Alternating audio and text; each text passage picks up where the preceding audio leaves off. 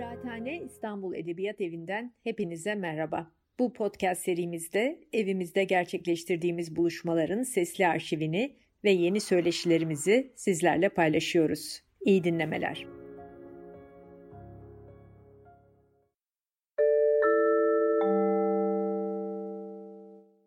Ben Birgül Oğuz.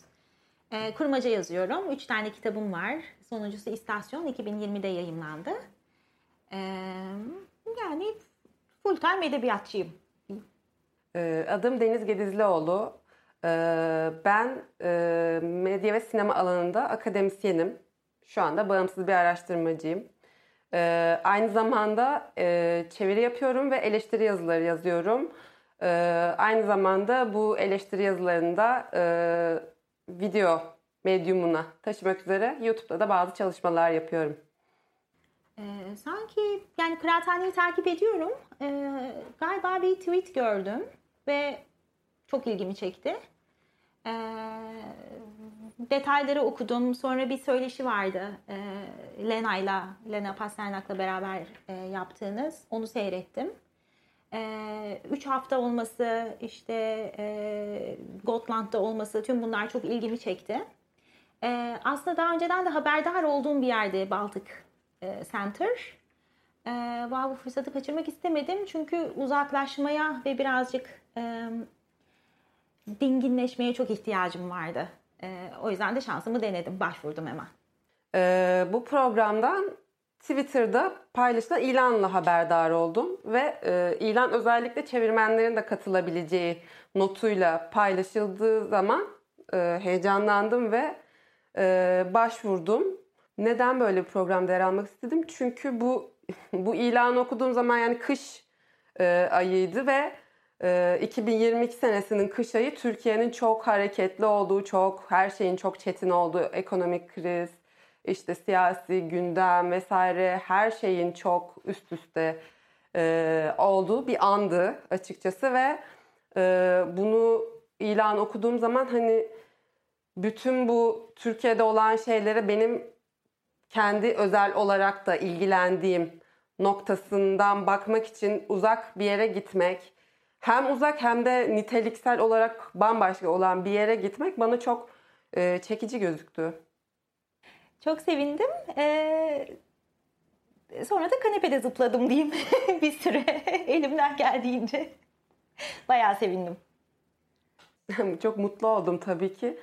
Ee, bu rezidansa kabul edildiğimi öğrendiğimde çok sevindim, mutlu oldum tabii ki. Yani çok ıı, şeyim yoktu. Beklen yani öyle çok bir spesifik bir fikrim yoktu. Rezidans programlarına çok aşina değilim. Benim de ilk başvurduğum rezidans olmuştu bu aslında. Hani çok sevindim diyebilirim. Ben birazcık İsveç'teki kalışımı uzattım. Birazcık erken gittim oraya. Biraz e, Stockholm'de ve İsveç'te başka bir yerde de vakit geçirdim. Sonra Stockholm üzerinden işte uçakla gittim. E, gemiyle gitmeyi aslında istedim ama galiba biraz maceralı oluyormuş. E, o yüzden uçağı tercih ettik sonra. E, çok küçük bir yer. Zaten havaalanına insanlar bisikletle ya da yürüyerek falan gidiyorlar. E, hakikaten e, bavulla yürüyerek şehir içinde de gitmek falan mümkün. E, çok kolay, çok tatlı bir yer. Biraz film setini de andırıyor. İlk izlenimlerim böyleydi. Hani böyle evler e, çocukların çizdiği evlere benziyordu falan. İlginç bir yerdi gerçekten. E, merkeze girdiğimde de yani bu kadar e, iyi tasarlanmış bir yer beklemiyordum açıkçası. E, odama girdiğimde merkezi böyle bir genel olarak gördüğümde ortak ofislerin olduğu alanı falan of dedim yani e, 30 yıllık deneyimini e, yani 30 yıllık bir deneyimleri var. Orada bunu yapıyorlar ve e, hakikaten e, her şey çok ince düşünülmüştü. Yani yazan birinin ne ihtiyacı olur sabahtan akşama tamamen düşünülmüş, tasarlanmış ve hazır bir şekilde oradaydı. Bunu da gelir gelmez hissetmemek mümkün değildi.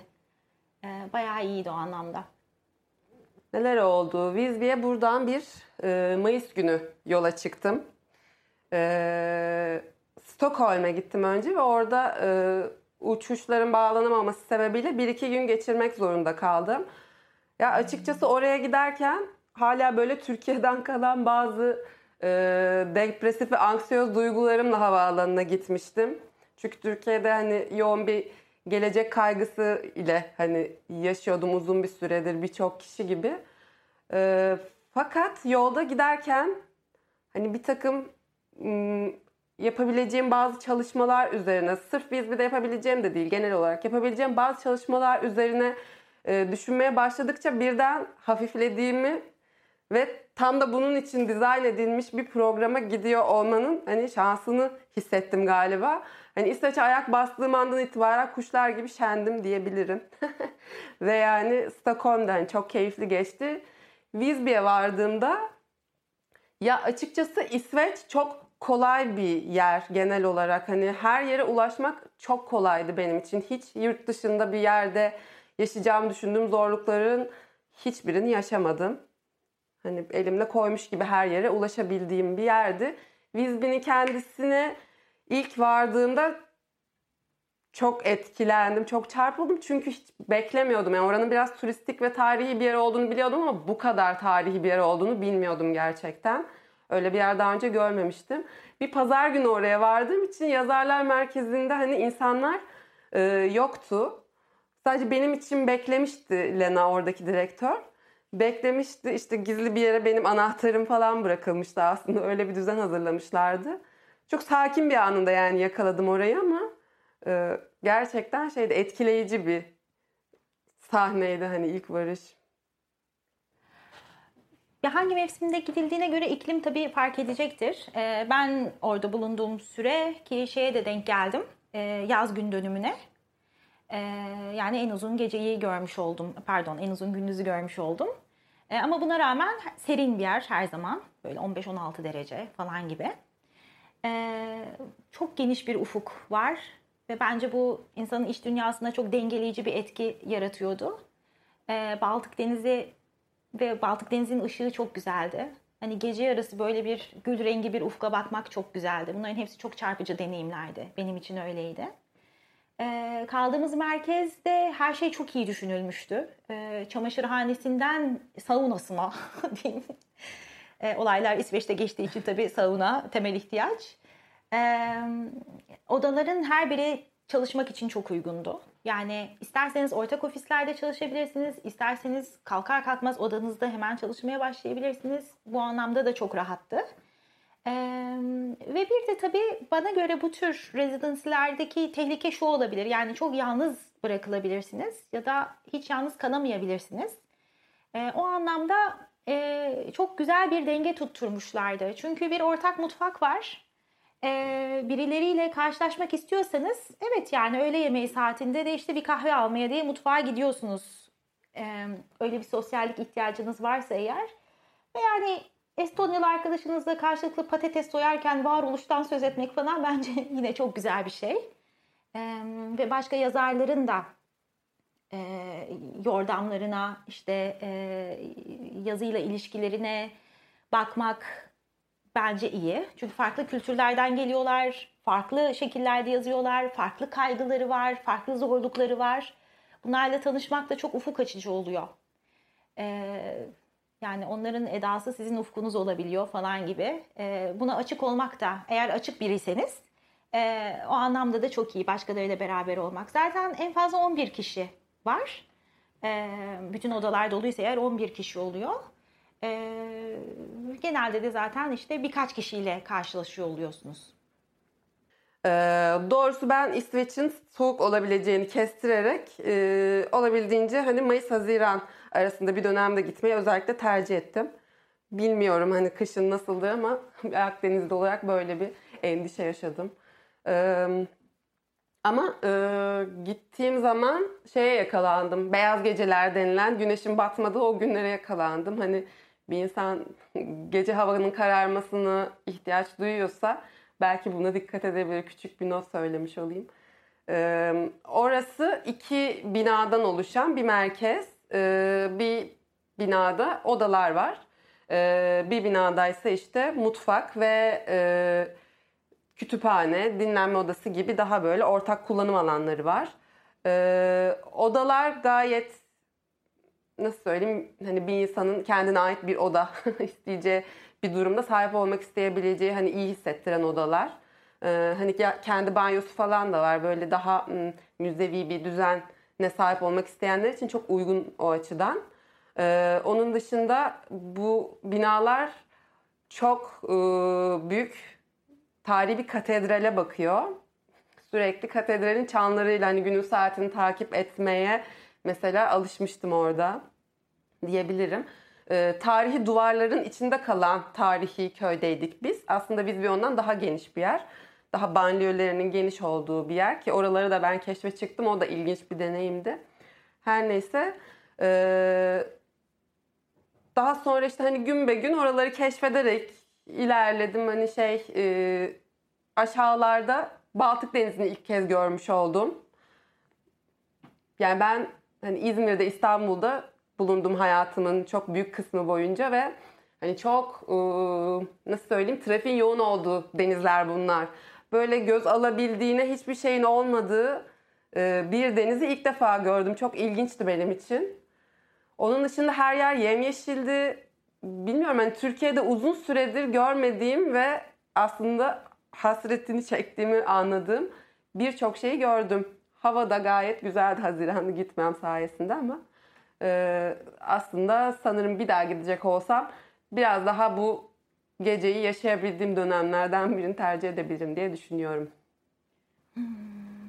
E, güneş üç buçuk gibi doğduğu için e, benim bulunduğum günlerde biraz erken uyanıyordum tabii. Herhalde altı gibi. E, ben hemen hemen kalkıp çalışmaya başlıyordum aslında. Ofise gidiyordum. Yani odamdan çıkıyordum. E, ofise gidiyordum. Orada e, kapısı da kapanan nispeten daha küçük bir ekstra bir kütüphane odası vardı. E, orada herhalde akşam 5'e kadar orada çalışıyordum. E, ondan sonra da bisikletler var. 4 adet.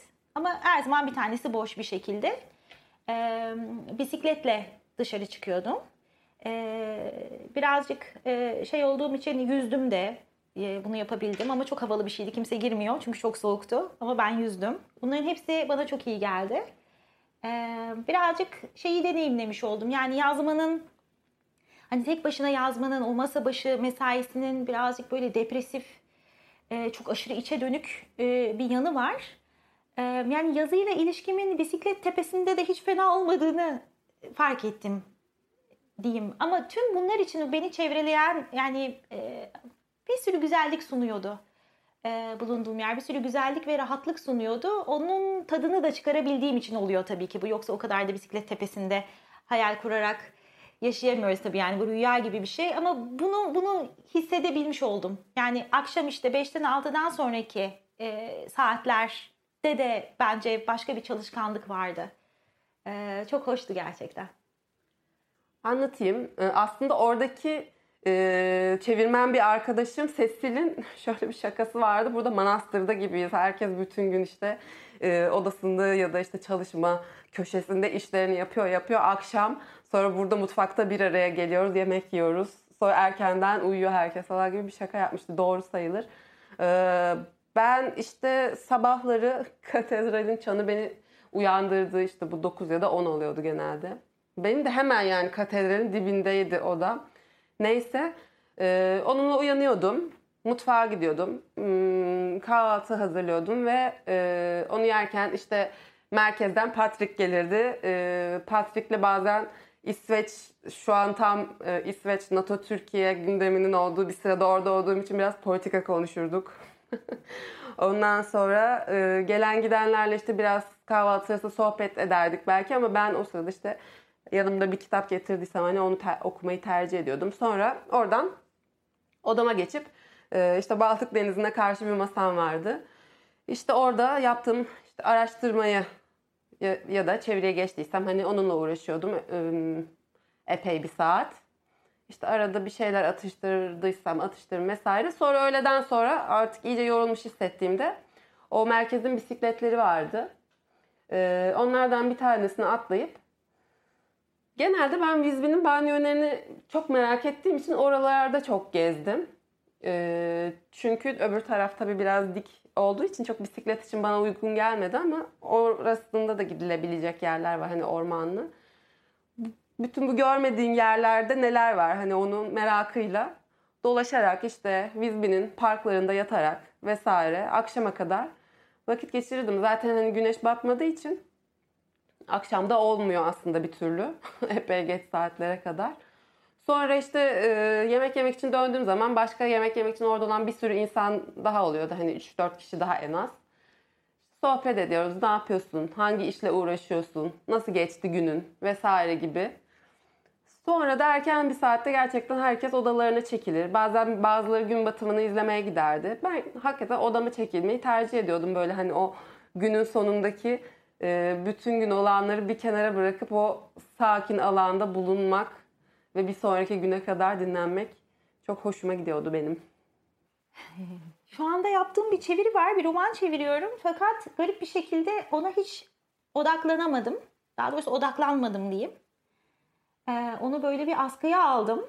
Ee, ve e, başka bir şey yazmaya başladım. Bunu da çok beklemiyordum ama yani yeni böyle bir e, yeni bir novellaya başladım aslında. E, plan yani aklımda bir hikaye vardı ama onu yazacağım zaman kesinlikle bu değildi bence. Fakat e, böyle bir e, çok ilham verici bir seyahat oldu bu benim için. Duygusal anlamda da çok yoğundu. Herhalde bunların da katkısıyla aniden onu yazmaya başladım. E, ve mutlulukla. Benim için normalde yazmak biraz e, e, zorlantılı bir süreç oluyor. Fakat o zorlantılar minimize olmuştu. Bence uzakta olmak, orada olmakla da ilgili. Yani e, orası çok şefkatli ve cömert davrandı bana. E, yani yeni bir şey yazmaya başladım. Öyle olunca ona her şeyimi vermek istedim. E, ve verebiliyordum da gündelik hayat hiçbir şey sıkıştırmıyordu beni. Hiçbir keşmekeş yoktu etrafımda. E, yani ona odaklandım. Iris Murdoch okumaya başladım. İlk defa okuyorum bu arada. E, çarpıldım. Latife Tekin'in Zamansızını orada okudum. E, doya doya okudum. Çok güzeldi.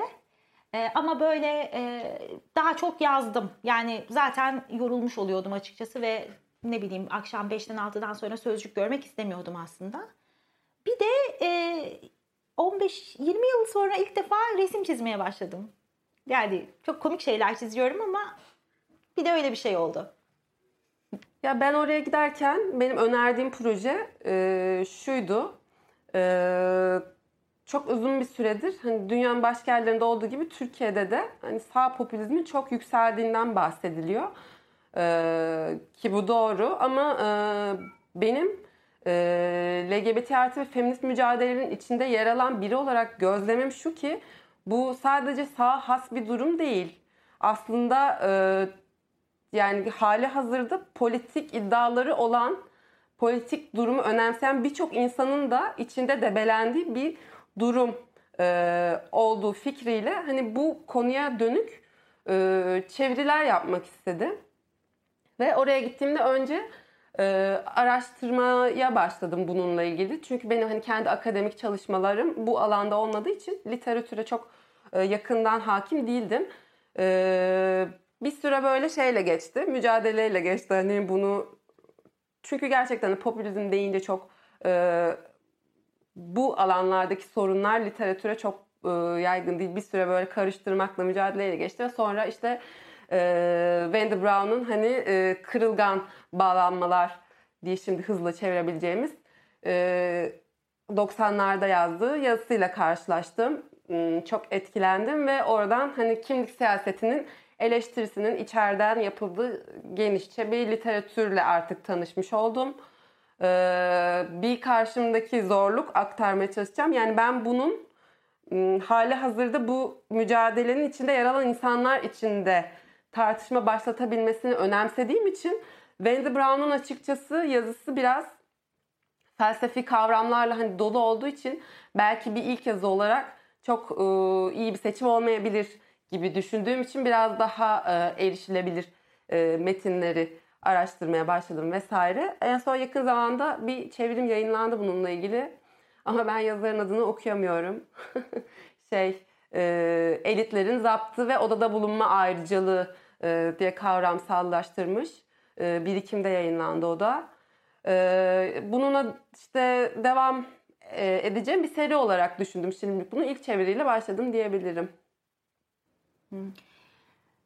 İyi etkiledi. Ee, ama içsel bir hazırlık yapmıştım. Bence içsel bir hazırlık yapmak gerekiyor e, oraya gitmeden önce. Bu önemli bir şey. E, yer açmak lazım. Yani e, e, bir de şunu belki Şimdi bu tür residency'lerin bence şöyle bir tür programların şöyle bir yanı var. E, çok çok rahat ve çok aslında lüks bir şeyin içindesiniz. E, Oysa ki yazı gündelik hayatımızın içinde yazabilmemiz gereken bir şey. Yani bu çok temel bir şey aslında. Yani bizim yazmak için böyle yerlere ihtiyacımız olmamalı. Her yerde yazabiliyor olmalıyız falan. Fakat Türkiye'de özellikle büyük şehirlerde yaşıyorsak, İstanbul'daysak falan filan ve son yılların gerginlikleri, keşmekeşini düşününce e, çok çok iyi geldi. Yani başka bir gerçekliğin de doğal bir parçası olabilmek kısa bir süreliğine bile olsa bana bir sürü şeyi hatırlattı. Ee, o yüzden de şey gözüyle bakamıyorum. Yani oradaki insanlar hep belli bir sükunetin içinden gelip orada yine sükunet içinde yazıyorlardı. Pek büyük bir kısmı öyleydi. Ee, daha doğrusu öyle söyleyeyim. Bizim durumumuz daha farklıydı bence. Ee, hakikaten bir kulaklarımızın, duyularımızın falan alışması gerekiyordu. Çünkü her şey çok daha berrak ve duru. Ee, ve onu bile kavramak zaman alıyor biraz. Ee, bir şeyin filtresi kalkmış gibiydi. Ee, bu bana iyi geldi. Ama bunun bağımlısı da olunmamalı. Çünkü aynısını, aynı düzeni burada yaratmak kolay değil gerçekten ve e, bir şey yazmak için sürekli residence peşinde de koşulmaz. E, ama küçük bir anımsatıcı olarak çok iyiydi diyeyim. O anlamda süre de çok iyiydi bence. 3 hafta e, bazı şeyleri anımsamak için iyi bir süre. Ee, biz bir de bulunmanın ötesinde aslında orada bulunmanın özel olan tarafı şuydu bence. Ee, Türkiye'de ben bir e, fikir ve kültür emekçisi olarak aslında birçok kişi gibi hani bunun e, maddi sıkıntılarını da yaşıyorum ve bir yandan e, birçok kişi birden hani yürütmeye çalıştığım bir hayatım var aslında. Orada bulunmanın en özel tarafı bence o iş için orada bulunmanın özgürlüğüydü. Yani çünkü çok zaman şu hisle yaşıyorum. Sanki başka bir şeyden zaman çalarak başka bir şey yapmaya çalıştığım hep bir e, stres duygusuyla e, çalışıyorum, üretiyorum ama oradayken de ilk günlerde bunun şeyini yaşadım. Ne için oradayım? E, burada bir şey yapmalı mıyım? burada bir şey yapmak zorunda mıyım? Vesaire gibi böyle bazı kendimi sorgulayan birkaç şeyin sonunda birden ya benim çok araştırmak istediğim bir şey var ve tam da onu yapmak için buradayım. Bu özgürlük duygusu çok rahatlatıcıydı. Ek olarak hani bunun Vizbi'de olmasının bir güzelliği ise gerçekten oradaki e, tarih, hayat hani her şey durgun. Bunu anında görebiliyor insan. Yani İstanbul'un bütün o böyle her 10 yılda bir değişen, her gün değişen, sürekli hareket halinde olan ve son zamanlarda da biraz insanı aslında sıkışmış hissettiren o yoğunluğundan çıkıp e, her şeyin çok daha sakin olduğu bir yerde bulunmanın hani insana getirdiği sanırım bir e, şöyle bir perspektif var. Yani bu böyle olmak zorunda değil. Ve e, böyle olmadığı zaman da ben o insan olmak zorunda değilim. Ben de aslında bu sakin ortamda sakince üretebilecek bir insanım. Hani o özgürlük sanırım çok hoştu. Evet kurdum. Ee, hiç odasından çıkmayan yazarlar da vardı. Öyle tercih ediyorlar ve mümkün. Yani bu anlamda çok özgürsünüz gerçekten. Hiç kimseyle görüşmeden orada bir ay kalabilirsiniz. Ee, ben genel olarak ortak ofisleri de kullandığım için kim ne yapıyor haberdar oldum. Onların e, yaptıkları işleri takip ettim. Bir fotoğrafçı arkadaşım oldu. iki şair arkadaşım oldu. Ee, ve onlarla yani bilmediğim bir jenerik şeyler konuşabildim. Yani ne bileyim işte poetry blues gibi e, daha böyle farklı disiplinleri bir araya getiren bir şiir söyleme yordamı, işte bunun performansla başka ilişkileri, e, bulduğumuz fırsatlarda bunları konuşmak e, çok aydınlatıcıydı, iyiydi gerçekten. Kimle tanıştıysam orada şeyleri de anlamaya çalıştım. Ne ürettiklerini, nasıl ürettiklerini, hangi kaygılarla, hangi ortamda ve neye karşılık vererek e, üretim yaptıklarını öğrenmek için çaba gösterdim. E, çok da iyi oldu. E, hoş oldu. gerçekten. Yani ben çok sosyal bir insan değilim kendi adıma. Ama oraya gittiğim zaman sanırım hani yabancı bir dilde yabancı insanlarla iletişim kuruyor olmanın o verdiği bir de rahatlıkla hani ortak alanlarda bir araya geldikçe e, insanlarla hani sosyalleştik, sohbet ettik vesaire şey. Ya insanlar benim çok hoşuma gittiler açıkçası. Orada böyle yaşı benden ileri çevirmen arkadaşlarım vardı. Hani e, onları merakla dinledim. Onlar kendi bulundukları yerlerde nasıl hayatlar sürüyorlar. Yani şunu öğrenme fırsatım oldu bu sayede. Aslında Türkiye'de mesela çevirmen olarak özellikle de kitap çevirisi yapan insanların e, birinci geçim kaynağının bu ol, olamadığı artık konuşulan bir durum.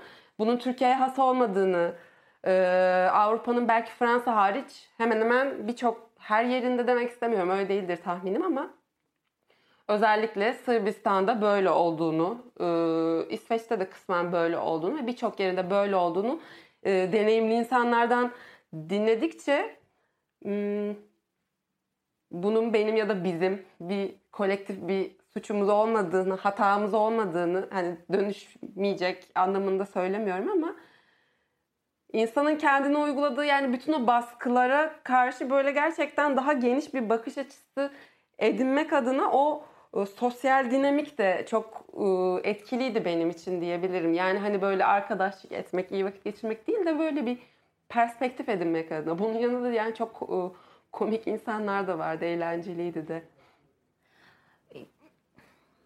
Yani 3 haftayla 4 hafta eğer konuştuğumuz bence çok fark etmiyor.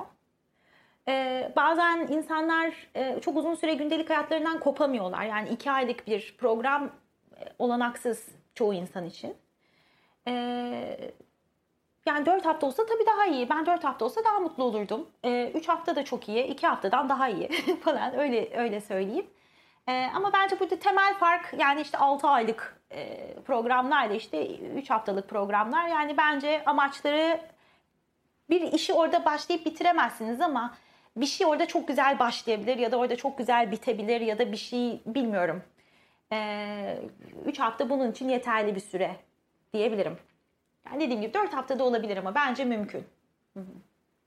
Yani bu program bence uzatılabilir çünkü şey e, insanın uğraştığı proje e, ekseninde e, yani daha uzun bir proje boyunca bu orada olmak insana iyi gelir. Ben hani projemi de biraz aslında oradaki süreye göre biraz e, dizayn etmeyi tercih ettim. E, fakat e, bütün bu anlattığım şeyler için 3 e, hafta da oldukça güçlüydü ama bence e, 4 hafta veya 2 ay falan bunlar da gayet orada deneyimlenebilecek süreler bana kalırsa. Valla uzaklaşınca bir şeyler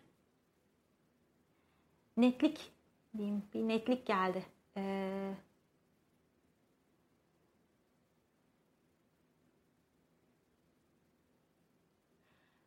neyin içinde yaşadığımı e, biraz daha iyi gördüm. Neyin içinde üretmeye çalıştığımı, e, biraz da kendi fazlalıklarımı e, görme şansım oldu.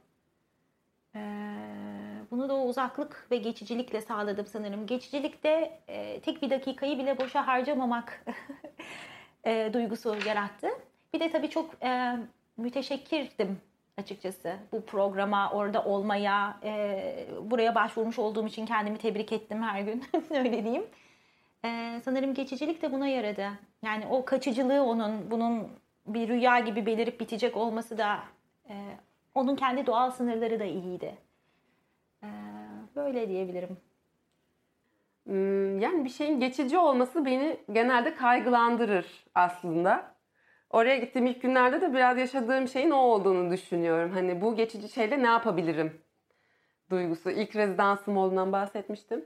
Ee, fakat dediğim gibi o, o uzak ve geçici olan o yerde işte bu bahsettiğim özgürlük duygusunu yakalayabildiğimi fark ettim. Yani bütün her şeyden bir ara alıp e, kafandaki aslında yani hani neredeyse toplum hizmeti olarak gördüğüm o şeyi e, yapmak için e, özgür bir alan olarak gördüm. Bir de benim özel olarak çalışmak istediğim bütün bu konuların aslında yani Türkiye'den ya da özellikle Türkiye olması değil de mesele yani bir fiil o e, mücadelenin içinde bulunan insanların arasında yapmaktansa onlardan uzakta yapmanın e, benim için şöyle bir faydası vardı. E, şimdi kimlik mücadelesinin eleştirisini bu zamana kadar Türkiye'de benim gözlemlediğim kadarıyla yapanlar çoğunlukla kimlik mücadelesinde bir çıkarı bulunmayan daha çok muhalif kesimler tarafından ben yapıldığına tanık oldum. Ee, bu da kimlik mücadelesinin içinde bulunanların kendi mücadelelerine çok sıkı sıkıya sarılmalarıyla sonuçlanan bir durum aslında. Ee, ama sorunları içinde bulunan insanlarca hissedilen ve deneyimlenen bir şey. Hani bütün bu kakafoniden diyeceğim hani uzakta yapabilmek bir zihin rahatlığı, zihin özgüveni vesaire gibi birçok olumlu tarafı vardı. Ee, üçüncü haftada keşmekeş sözcüğünü çok kullandım. Ee, ya çok e, biraz e, büyük bir gerginliğin içinde zorlanarak yaşadığımızı, e, varoluşun dertleriyle uğraşacak zamanımızın olmadığını, olamadığını, belki kendimize o hakları tanıyamadığımızı, e, bunları biraz üzüntüyle e, fark ettim bir daha. E, yeni yollar bulmak lazım. Bizim burada çok yaratıcı olmamız gerekiyor. E, soluk alacak, işte yaratacak, geliştirmek istediğimiz güzellikler için diyeyim. E, soluk alabileceğimiz, mesafe alabileceğimiz bir açıklığa ihtiyacımız var. Bunun için e, herhangi birinden biraz daha yaratıcı olmamız gerekiyor gerçekten. Çaba göstermemiz gerekiyor yani. Ama hiç değilse şunu söyleyebilirim. Hani hangi yönde ve ne için uğraş vermem gerektiğini e, birazcık daha iyi kestirebiliyorum galiba. Yani böyle bir çalışma ve yaratma düzenini burada nasıl e, neyle kurabilirim? E, şu anda çok meşgul olduğum bir soru bu. Açıkçası ben oradayken İstanbul ve Türkiye'yi neredeyse hiç düşünmedim. Oranın kendi e, ritmine kendimi bırakmak çok keyifliydi. E, o bahsettiğim manastırsı böyle her gün birbirini tekrarlayan hayat düzeni e, ve o hoş hisle doluydum oradayken. Hani o sükunet bana çok iyi geldiği için hani İstanbul neredeyse hiç düşünmedim diyebilirim. Bence doğru bir kriter. Ee, ve o yabancı dilin bence İngilizce olması anlamlı. Ee, pek çok bakımdan yani e, bir de tabii şey var e, iletişim kurabilmek çok önemli oluyor başka insanlarla e, ama şeyi de görmek lazım başka insanlar da sizinle iletişim siz de orada bir değersiniz yani e, e, konuşamayan ya da iletişim kuramayan biri sizin için de bir kayıp olabiliyor e, orada. E, bu yüzden bence önemli bir şey. Mümkün mertebe iyi e, konuşabiliyor olmak bütün tabloyu değiştiriyor. E, her anlamda değiştiriyor. Ben öneririm yani hiç dil bilmeden oraya gitmek de pek keyifli olmayabilir bazı bakımlardan. Ya benim için çok faydalı oldu yabancı dil biliyor olmak. Oradayken yolumu bulabildim. Oradaki insanlarla iletişim kurabildim. Ee, merkezin direktörüyle, oradaki arkadaşlarımla sokakta gittiğim... Bir de İsveç'te herkes İngilizce konuşuyor gerçekten. Ee, bütün esnafla vesaire. Yani çok rahat iletişim kurabildim. Benim açımdan çok faydalıydı. Ama e, orada merkezdeyken neredeyse hiç iletişim kurmadığım, diğerleriyle hiç iletişim kurmayan insanlar da oldu. Onlar için çok önemli olmayabilir belki. Çok bu konuda e, keskin fikirlerim yok doğrusu. Ya, iyileştirilemez. yani bence her şey gayet tadındaydı. Ee, çok e, ben beklediğimden çok daha iyi bir şeyle karşılaştım. Bu yüzden ne diyeceğimi bilemiyorum gerçekten. 3 ee, hafta yerine 4 hafta düşünülebilir. Ama tabii ki gidecek kişinin bence burada ihtiyaçları belirleyici. Belki o 2 hafta kalabilecektir. Ee, ama 4 haftada güzel bir süre. Genelde oraya gelenler e, işte Baltık ülkelerinden gelen yazarlar genelde 4 hafta geliyorlar zaten. Ee, e, bence 4 haftada mümkün. Zorlanmadan, hiçbir finansal sıkışma yaşamadan e, falan filan 4 hafta gayet rahat e, çalışılabilir orada. Yani bu konuda bir önerim yok benim çünkü açıkçası o o sürece ben kendimi teslim etmeyi tercih ettim. Yani onu kontrolüne geçip de onu değiştirecek çok bir fikir geliştirmektense o akışa kendimi teslim etmeyi tercih ettim. Ee, bunun da bana çok iyi geldiğini hissettim. O yüzden de çok e, değiştirmeye dair bir çok fazla önerim yok herhalde. Daha çok olduğu şekliyle e, onun zevkini çıkarmayı tavsiye ederim insanlara. Kesinlikle tavsiye ederim tabii ki. Bizim için biraz o gözle bakıyorum. Ya hakikaten bir e, soluklanmak için, nefes almak için nimet gibi bir şey bu. E, çok değerli bir şey bence. Kesinlikle tavsiye ederim. Yani e, dediğim gibi üreten fikir üreten insanlar için e, bunun güçlü bir deneyim olacağını düşünüyorum. Kesinlikle tavsiye ederim.